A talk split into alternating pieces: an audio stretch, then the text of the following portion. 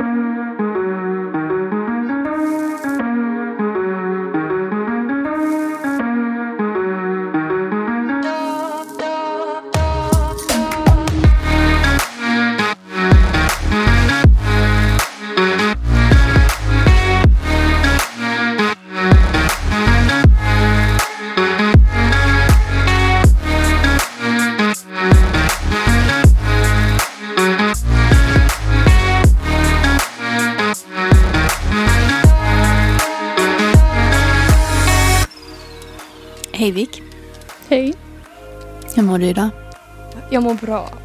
Ute, eller jag är hemma hos mina föräldrar ute i naturen så jag sitter här och tittar ut på björkarna som ja, solen lyser på och det är jättefint.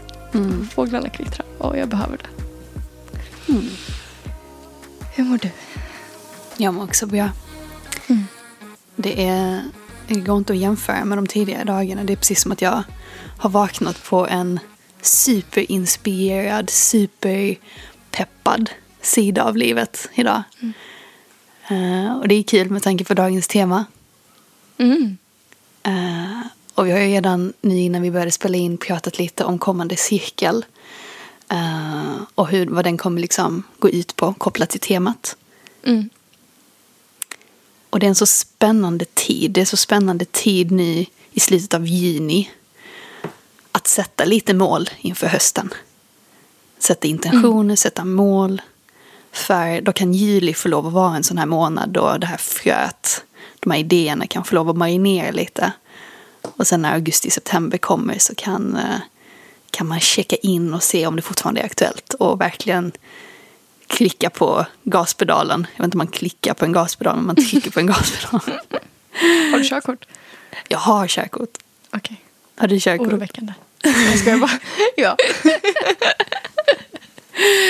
Automat? Nej, ska, nej Ja. faktiskt inte automat. ja, jag tycker också detta är jättespännande. Och jag tycker det är kul. Ehm, och det känns som att jag också vill så här... Ja, men lite eh, lägga fram också att eh, det kommer ju vara... Ja, men lite som en stängande systercirkel nästa vecka. Ehm, för att vi ska ha en liten paus. Så att vi ska kunna ladda om och tänka större också.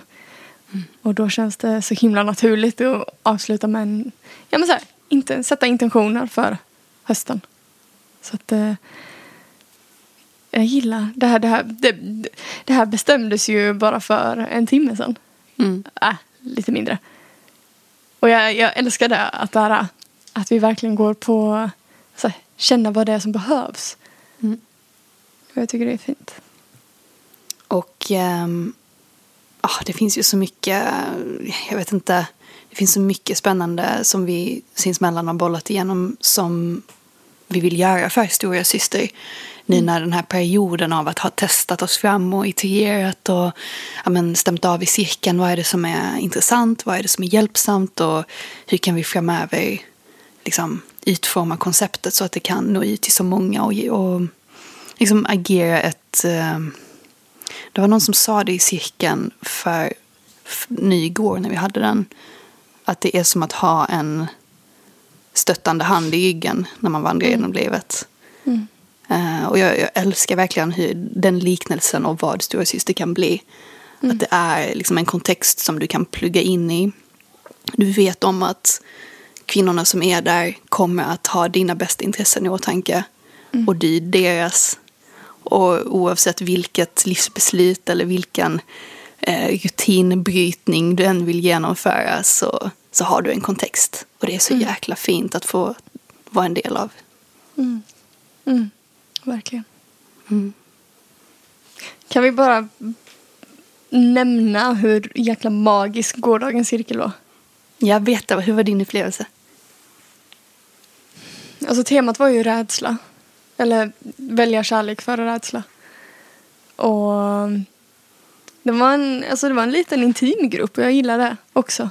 Um, och vi började med sårbarhets, sårbarhetsleken. Eller sårbarhetsövningen. För att liksom bjuda in till sårbarhet innan. innan eh, vi går in i och faktiskt sätta ord på våra rädslor. Och det händer liksom någonting när man får docka an till sårbarheten. För att kunna, ja men för att sen våga sätta ord på det som, ja men som igår var fokuset på rädslan. Och det märktes så tydligt att många var berörda av gårdagens cirkel. Jag tycker det är så himla fint att man kan känna det genom en jäkla skärm. Jag kan inte släppa det. Så jag gick och la med mig så, jag var så trött igår. Trött och hade sån extrem kärlek för, eh, för de som dök upp igår. Det var magiskt. Mm. Hur, var, hur kände du igår? Men min tanke går till, eh, också till sårbarhetsövningen. Och att det framgick att eh, det finns en längtan i så många av oss att gå bortom det, de ytliga samtalsämnena och prata om värdet och så vidare och bara direkt djupdyka i det själsliga, det djupa, det sanna. Mm. Uh, och det var en ynst verkligen, säger man så? En un, ynst? Just. ynst. Att, um, att uh, både facilitera men också själv kliva in i det här sårbara rummet och um, direkt bara namedroppa saker som är oerhört nära in på livet för mig och uh, mm. se hur snabbt det accelererade en relation till att så här, mm. komma närmare varandra inom bara loppet av några få meningsutbyten. Det är så mm. häftigt. Vi pratade ju också om hur det skulle varit om man hade kört. Nu körde vi sårbarhetsövningen i tio minuter. Och kvinnorna kom ju tillbaka och bara, jag fattar inte hur det här kunde gå tio minuter bara. Mm. Uh, eller att det var tio minuter, det gick, det gick så fort. Så vi, vi pratade ju nyfiket om just hur det hade varit om man hade suttit och gjort den här mycket längre. Och också, vad hade hänt om man hade använt det på en dejt, på en första dejt för att lära känna varandra. Mm. Det är spännande. Jag hade nog kunnat sortera ut eller in en massa spännande kandidater. Absolut. Mycket snabbare än att ha någon slentrianaktig ja, onboarding in i en mm. relation. Anyways. Så fint. Mm. Mm. Men, mm. Eh, ja, kör du. nu när vi ska prata om mål inför hösten. Mm. Jag vet ju att vi båda är lite förberedda på att dela med oss av vilka mål och intentioner vi vill jobba med. Mm. Och jag undrar om du skulle vilja berätta om vilka mål slash intentioner du har för hösten. Och gärna berätta lite backstory kanske, om du så önskar. Alltså min, eh, min största är ju egentligen så här, väldigt praktisk. Men väl, eh, väldigt viktig samtidigt. Att eh, få en stadig ekonomi i höst. Anledningen till det är för att jag inte har haft det nu det, det senaste året egentligen. Jag har verkligen kämpat för att få igång mitt egna företag och precis när jag verkligen var på väg och att det skulle så här ja, men, vad jag upplever som gå i lås så kom ju corona. Jag skulle ut och föreläsa men så kom corona så att allting ställdes in. Och det var väl lite så att jag tappade, jag tappade farten där. Så jag har försökt att tänka på olika sätt hur jag skulle kunna få in någon stadig inkomst och då, då är, menar jag via mitt företag. Nu till hösten, jag har, jag har några så här punkter ute som skulle kunna hjälpa mig att få till det här i höst. Eh, men det är fortfarande osäkert. Men eh, för att göra det konkret, stadig ekonomi är ju så att jag kan jag kan klara min vardag liksom. Och, och plus, plus lite till för att kunna så här, men spara undan pengar och ja, men överleva. Och jag har en ganska så här, toxisk relation till pengar. Mm. Lite den här bilden av att ja, det är fult att önska om pengar. Um, man ska alltid ha pengar. Man ska tjäna pengar. Du ska alltid ha undansparade pengar. Um, och när jag inte har pengar eller en stadig inkomst till exempel så är, blir det lätt det centrala i mitt liv och jag kan få väldigt mycket ångest. eh, kring att jag inte har tillräckligt mycket pengar. Och så kommer katastroftankarna in. Okej, du har ingen stadig inkomst. Då kommer du inte kunna betala räkningar. Du kommer bli vräkt och sen kommer du få bo på gatan. Så enkelt är det. Fixa detta nu. Men det är ju mitt ego som kommer in och så här, pockar på liksom. Men det, det är nog den eh, tydligaste nu under, eh, under hösten. Och jag har en stark känsla av att av att det kommer gå igenom. Jag kommer lösa det nu i höst. Otroligt stark känsla. Så att uh, jag litar på den. Mm. Helt enkelt. Mm. Jag vill nästan bolla över så du får köra nästa gång. Så kör vi så här lite varannan. Mm. Lite varannat mål. Mm. Mm. Jag vill först säga tack. Tack för att du berättar. Tack. jag ser fram emot att vara en del av, av den eh, resan. Uppåt och mm. framåt. Mm. Mm. ser jag också fram emot. Okej, okay, så då bollar du alltså över frågan till mm. moi. Yes. Ja, jag har skrivit ner tre mål som jag vill dela idag. Och det första som jag ser här på min lista är att uh, jag vill börja ta mitt kreativa arbete på ännu större lekfullt allvar. Och notera ordvalet lekfullt allvar för att det är allvarligt på så sätt att jag tar mig själv och mina kreativa förmågor allvarligt. Mm. Men att jag fortfarande närmar mig det arbetet på ett lekfullt och livsfyllt sätt. Mm. Det ska inte bli en piska, det ska vara en morot. Det ska kännas spännande. Mm. Så det är som att balansera två stycken, eh, på ett sätt motpoler kanske, men jag tror att de kan samexistera.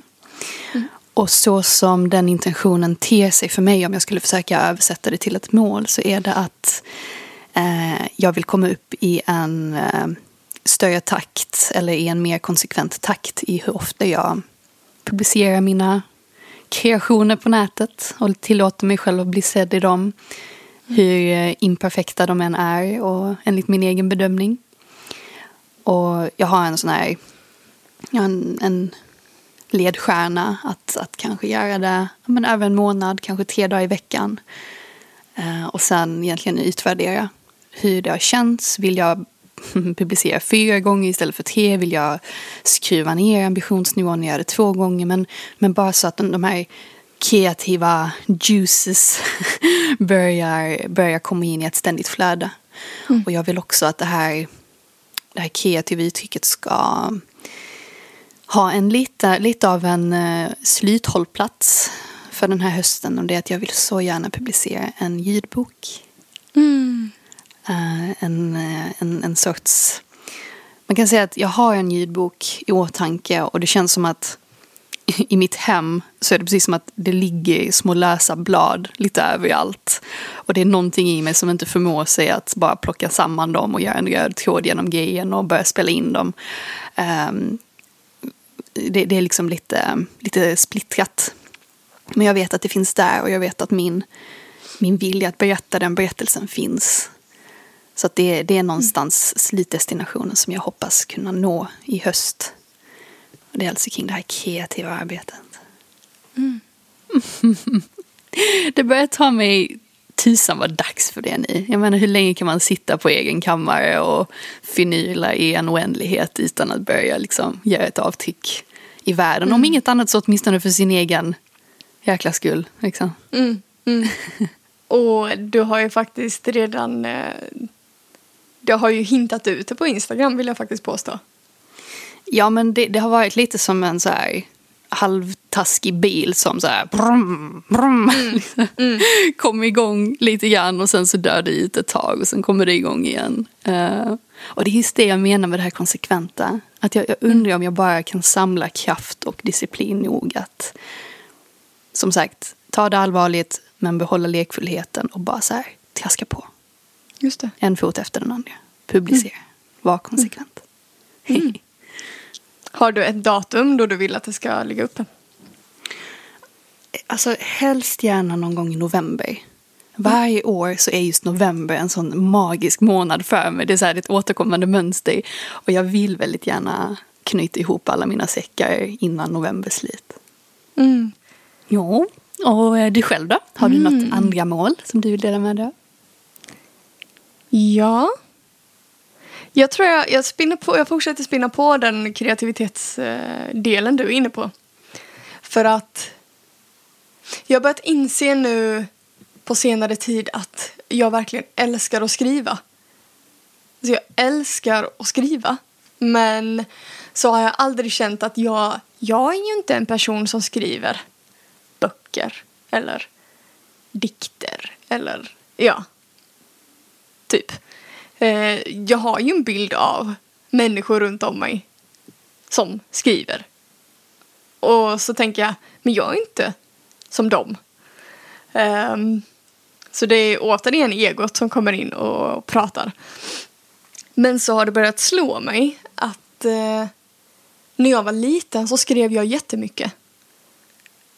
Jag har liksom hittat små anteckningsböcker där jag har skrivit små stories.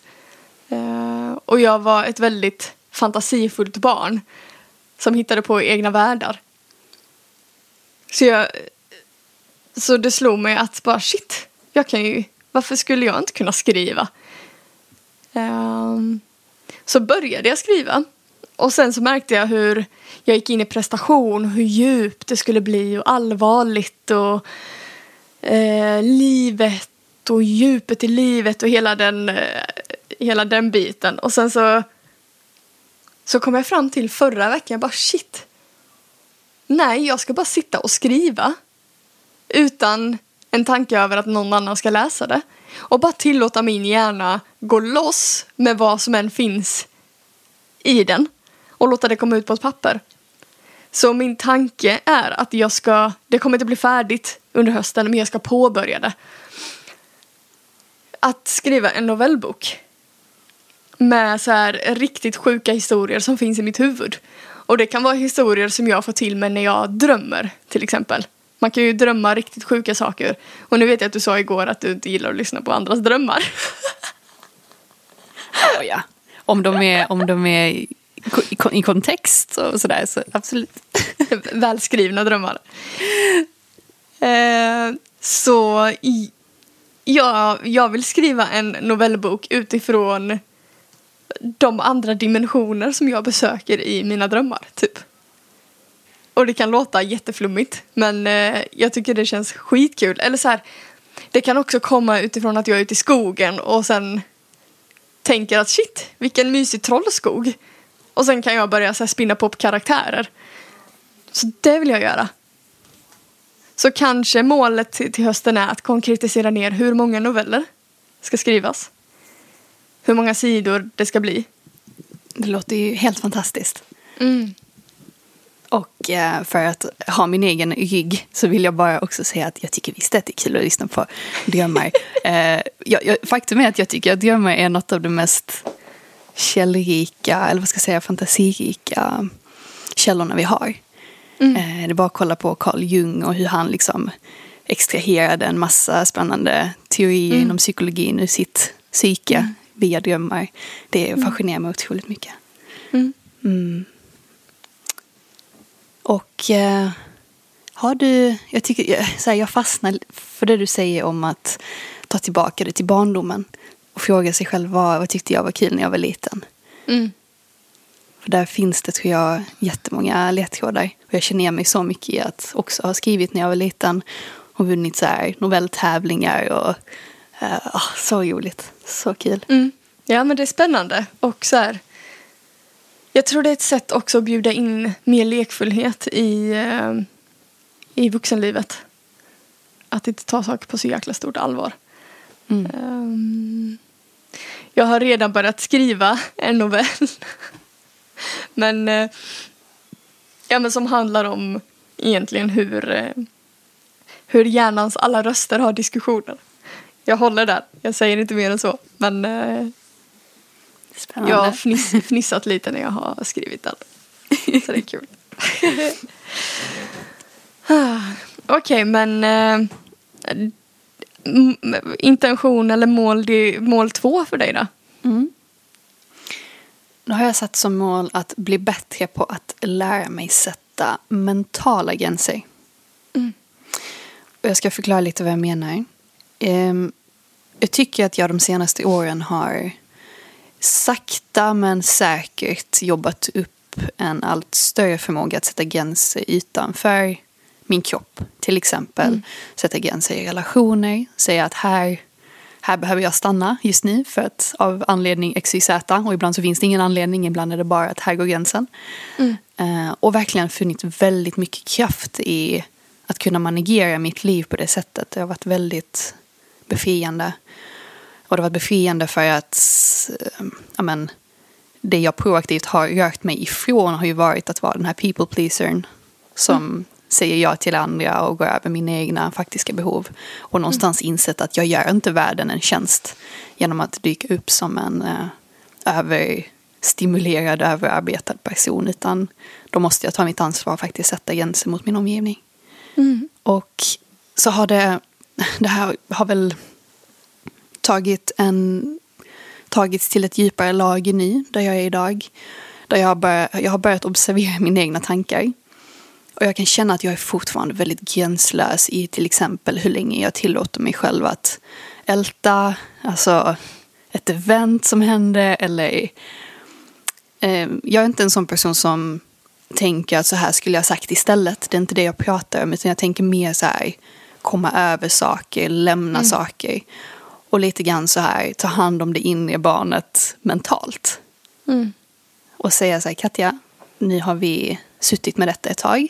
Och nu behöver vi ställa oss själva frågan, tuggar vi fortfarande den här tanken för att det är en rutin? Eller tuggar vi det för att vi fortfarande bearbetar? Mm. Och då kommer det en intuitiv känsla som säger, amen, det finns fortfarande mer att nysta i här. Det vill säga att vi behöver bearbeta mer. Okej, okay, då stannar vi där ett tag till. Det är inte läge att dra en gräns. Men om jag bara gör det för att jag är så himla melankolisk eller jag, så här, jag tycker om smärta. Alltså, det är så här, okej. Okay. det kanske var kul ett tag men vi kanske kan ägna oss åt någonting lite mer intressant nu. Mm. Eh, och, och, så här guida mig själv i det. Mm. Så bli bättre på att sätta mentala gränser. Det är någonting som jag gradvis vill börja jobba med redan idag. Eh, mm. Och framöver genom hösten. Just det. Mm. Mm. Två parenteser. Mm. Give it to me. Jag älskar hur synkade vi är på något sätt. Eller, det är, det är inte, jag är inte förvånad. Men eh, när det kommer till våra intentioner och mål för hösten. Men en annan sak som kom, kom till mig när du pratade det var att det är snarare en fråga. Att trivs du, trivs du i ditt mörker? Är det därför du stannar där? Mm. Är det som en retorisk fråga eller ställer du faktiskt den till mig? Jag ställer den. Trivs jag i mitt mörker? Jag tror att mycket, mycket poesi kommer från mitt mörker så kanske hittar jag anledningen till att vilja stanna där. Um, vilket är paradoxalt nog väldigt nära knutet till mitt förra mål, att vara mer kreativ. Så det kanske är en ond cirkel, vad vet jag. Men om jag bara ska backa lite från bilden och tänka, trivs jag i mitt mörker? Jag tror det. Mm. Men jag börjar också bli trött på det. Alltså lite som en lite som en skolelev som längtar efter gymnasiet och inte vill gå i grundskola längre. Mm. Jag vet inte, det var kanske en jättekonstig liknelse. Mm. Men så här, jag börjar bli lite färdig med att romantisera mitt mörker. Mm. Jag kan alltid komma tillbaka och bara liksom hänga där. Men, men inte göra det till en standardplats. Det känns inte så himla lockande längre. Mm. Är du rädd för ditt ljus? Mm. Jag pratade med eh, en vän för ett tag sedan. Där vi pratade om att vi tenderar att ha svarta kläder på oss när vi är ute på stan. Och resonemanget vi förde var att vi upplevde att vi, vi drar till oss så mycket uppmärksamhet. Inte så mycket för hur vi ser ut rent fysiskt men för att det inre ljuset eller det liksom energin strålar så hårt att mm vi gör det till en prioritet att tona ner det. Så när du ställer frågan, är jag rädd för mitt ljus? Så... Jag tror jag är, jag börjar sakta bli nyfiken på vad som händer om jag utforskar kanten av mitt ljus. Alltså den allra yttersta kanten, för jag tror inte jag har varit där. Jag tror min kant är väldigt liksom ljusgrå. Den är liksom inte så här vibrant vit. Och jag, eh, kanske för att jag har satt lite krokben för mig själv och inte tillåtit mig själv att ta ut de svängarna. Med risk för att vara för mycket, alla de här andra rädslorna som jag pratat om tidigare. Just det. Men kanske är det så att jag är lite rädd för mitt eget ljus för att jag är rädd att bränna andra med det. Mm. Men vad fan, även det börjar bli tråkigt. Nu svor jag, förlåt. Men jag blir bara så trött på mig själv. Jag blir trött på mina egna trötta historier och anledningar och stories. Alltså det, det, det börjar bli dags nu alltså. Mm. Det börjar bli dags. Anledningen till att jag frågade är för att jag pratade med, med Anso Blixt som driver organisationen eh, Tilia. Så pratade vi om um, så här, hur lätt hon har att hålla sig i sitt eget mörker, för hon kan mörkret. Hon kan ju vara där, hon vet hur det är att vara där. Men hur fasen ska hon hålla sig i sitt eget ljus? Hur hur lär hon känna sitt eget ljus för att våga stanna där? Och det var någonting som slog mig där i när du pratade att så här, om det fanns något liknande. Mm, vad kom ni fram till då? Att det är en träningssak. Och att också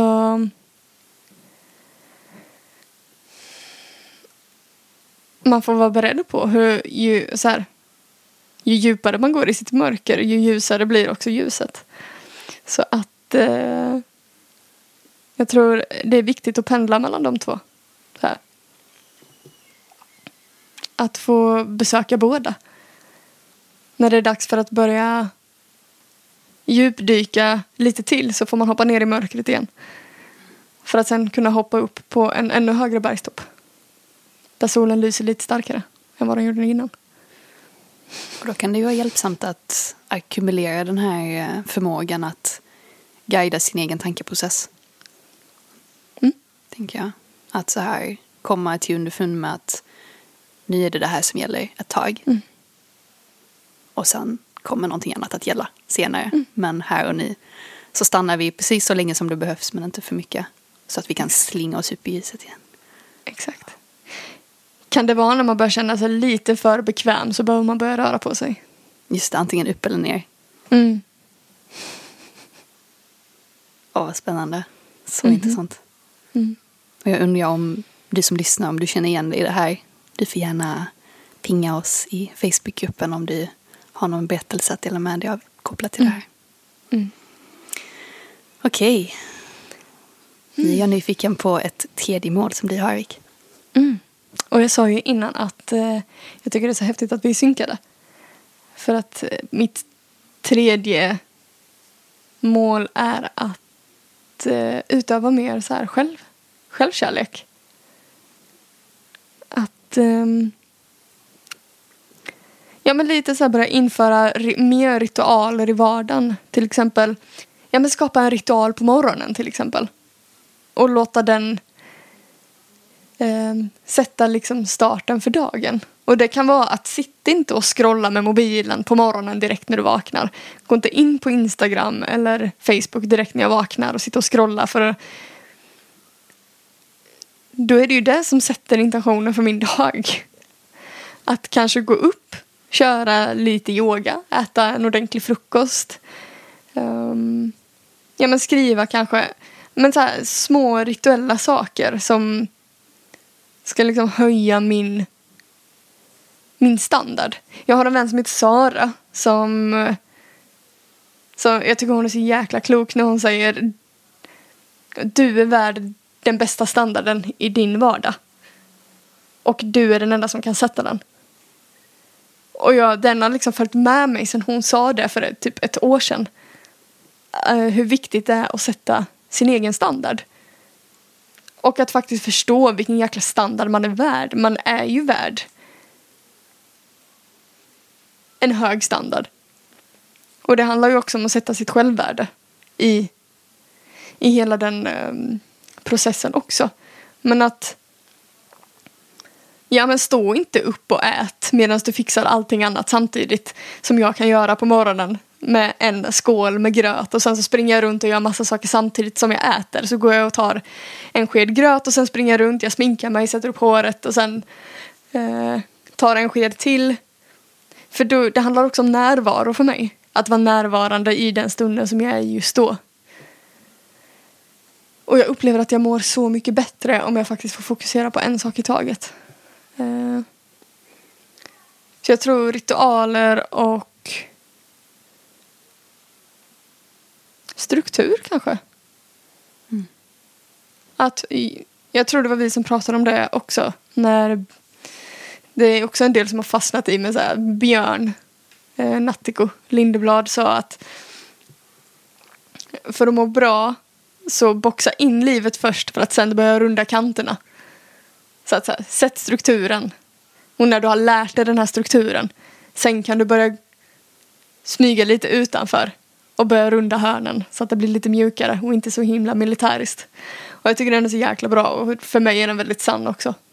Mm. Så det jag älskar det. just. Mm. Han är klok han.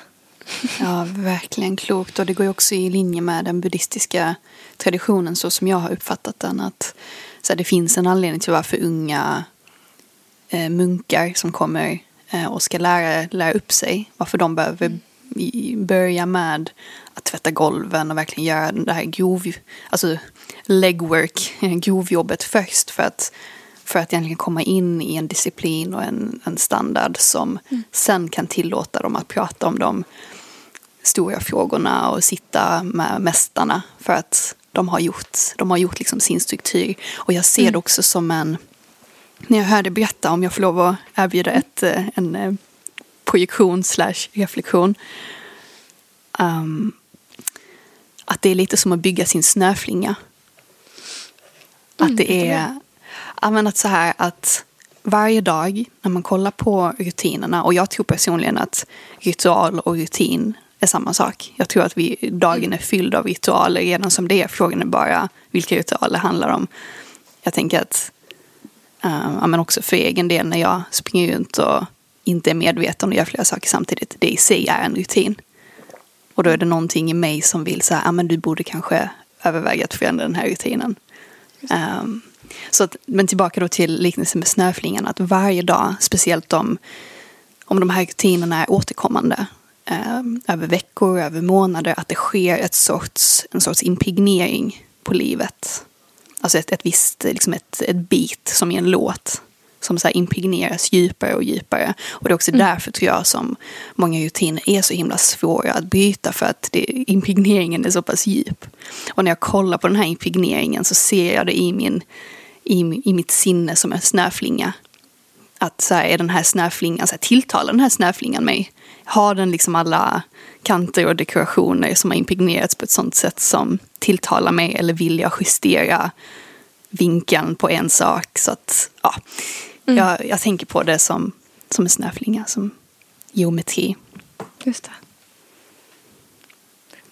Mm. Gud vad fint. Jag gillar det. Så när jag, när jag hör dig säga att men du, vill, du vill ha andra rutiner så tänker jag, det jag hör är att jag vill ha ett lite uppdaterat utseende på min snöflinga. Mm. Och den impregneringen som det gör i mitt liv och i andras liv. Jag ser också Skalman framför mig. Skalman? Ja. På, på vilket sätt? Ja men ät och sov-klockan. Jaså? Men jag gillar din snöflinga bättre. Jag tycker det, det var fint. Och jag älskar, jag fullkomligt älskar Björns, eh, Björns perspektiv på det. Mm. Det ska jag verkligen ta med mig. Mm, den har verkligen fastnat för mig. När han sa det. Jag tycker det är... Det är magiskt. Men det där tar... Det att, liksom, nu- vad är det nu? Det... Vi slutade jobba ihop för ett år sedan tror jag. När vi stängde ner Björn och Navid-podden. Så jag tror han sa det här för två år sedan och då har jag liksom marinerat i två år. Jag märker att jag har tvåårscykler. För manifestation och den är jobbig att komma på. Um, att så här, jag tror det var när jag skulle starta första podden som jag, som jag har. Så sa jag det två år innan jag verkligen startade den. Och också så här innan jag och min sambo åkte ut på resa så sa vi det två år innan vi faktiskt gjorde det. Så jag märker att jag har så här tvåårscykler. Mm. Jag ser ett mönster så att säga. Mm. Som ett frö mm. som planteras och sen när det väl börjar gro och ut mm. ovanför jorden så har det gått två år. Mm. mm. Ja. ja, det är spännande. Coolt. Vad är, vad är din tredje då? Mm. Jag har skrivit här på min lista Stora syster månadsbrev. Ja! För på tal om rutiner och ritualer så vill jag, jag ser så mycket fram emot nu när stora syster håller på att liksom komma till sin cykels första slut. Det vill säga att nu har vi kört en testa på period både för våra deltagare men också oss själva och lärt oss så mycket på vägen. Och jag ser framför mig nu hur lite mer organisering eh, står inför dörren. Att eh, ja, men verkligen se till att de som vill komma och, och eh, delta eh, får den informationen de ska ha. Och då tänker jag mig i form av ett fint månadsbrev där vi mm. informerar. Mm. Och jag tror det finns en längtan i mig att jobba mer med kvinnorna. Eh, och mig själv i det som en deltagare. Mm. Och jag vill göra mer av det i höst. Jag hoppas verkligen att coronan kommer släppa så att vi kan börja ses fysiskt. Så att vi kan mm. börja organisera oss ännu mer. Ja. Så det är också en intention, ett mål jag har. Att växla upp Stora Syster. Mm. Plus en på den. Yay! Nu fick jag, jag, okay, jag, jag, ska bara slänga fram känslan jag fick här. Jag fick typ mm. lite dåligt samvete att jag inte har bakat in stora syster i mina sådana tre. Nej men vadå, det kan väl vara en fjärde? Jag har också en som jag har lite dåligt samvete för jag inte tagit med. Men, men berätta, berätta ditt perspektiv på det. Vad vill du ta stora syster i höst? Det första jag tänkte, eller faktiskt idag. För att vi, vi håller på att anordna Nordic Women's Gathering nu. Eh, som ska äga rum i september. Och det är bara några få platser kvar. Så jag slänger ut den här om det finns någon kvinna som vill gå så finns det bara, jag tror det bara är fem platser kvar. Så om du vill gå så haffa din plats. Nej, men jag hade velat göra en stora syster gathering. Men jag tror att det är för tidigt att göra det i höst med tanke på corona och jag tror det hade varit fint att vi får bli lite varmare i kläderna ytterligare. Och det kan bara vara min osäkerhet som talar. Vi kanske inte alls behöver bli det. Men eh, jag kanske lägger den på i vår i alla fall. Att då vill jag att vi kanske har en helg där vi möts med alla dessa fantastiska kvinnor som bara vill djupdyka i sig själva. Eh, annars är jag också så här när vi sätter igång igen med cirklarna att vi har nej, lite nått ett större, en större grupp. Kanske de som är nyfikna på stora syster men inte riktigt har vågat träda in. Jag har också en känsla av att jag vill göra en liten, liten stängd grupp för de som har en längtan att vara med i Stora Syster men faktiskt inte vågar utan i en mindre grupp får testa på med några utvalda personer. Det är också en tanke, för jag vet några som vill jättegärna vara med men de vågar inte träda in. Eh, de har anmält sig men sen när det väl kommer till kritan så tar rädslan över. Och pressen och ångesten och då väljer att avvika. Så jag vill på något sätt nå dessa som jättegärna vill ha ett sammanhang men inte vågar. Så där brinner nog min största eld just nu. Och ni som lyssnar, har ni tips på hur vi skulle kunna skapa känslan av stora syster ännu tryggare? Så skriv till oss. Dela era upplevelser och perspektiv av stora syster så kanske vi kan nå ut till dem. Som inte vågar kliva in riktigt än. Nästa cirkel blir ju den sista för säsongen. Och eh, den kommer att gå i precis samma tema som det här podcastavsnittet. Nämligen att sätta mål och intention för hösten. Mm. Och vi kommer guida en jätte, jättefin process för den som verkligen vill sitta med sina individuella drömmar och mål och verkligen vi kommer guida en process där man kan plocka ner det abstrakta ner till det konkreta och sen låta det gro lite i juli. Det är mm. liksom det ramverket vi kommer erbjuda för att sen eh, plocka upp det igen i augusti när cirklarna kör igång igen och stämma av, är det här aktuellt eller vill vi tweaka och förändra de här målen? Eh, vi vill verkligen manifestera och skapa tillsammans med er så att vi hoppas att du som lyssnar vill komma. Vi har inte satt någon dag än, men håll utkik i Facebookgruppen för när det kommer. Mm. Och Instagram. And Instagram of course. Instagram. Men jag är lite nyfiken på vad din, eh, vad din fjärde var som du hade lite dåligt samvete för att du inte hade nämnt. Ja men du. jag har ju ett litet hemligt projekt. Jag vet inte ens varför det är hemligt men jag, har, jag sitter lite på, på min kammare nu och nystar ihop en liten affärsidé. Du kan lita på oss, jag ska inte säga det till någon.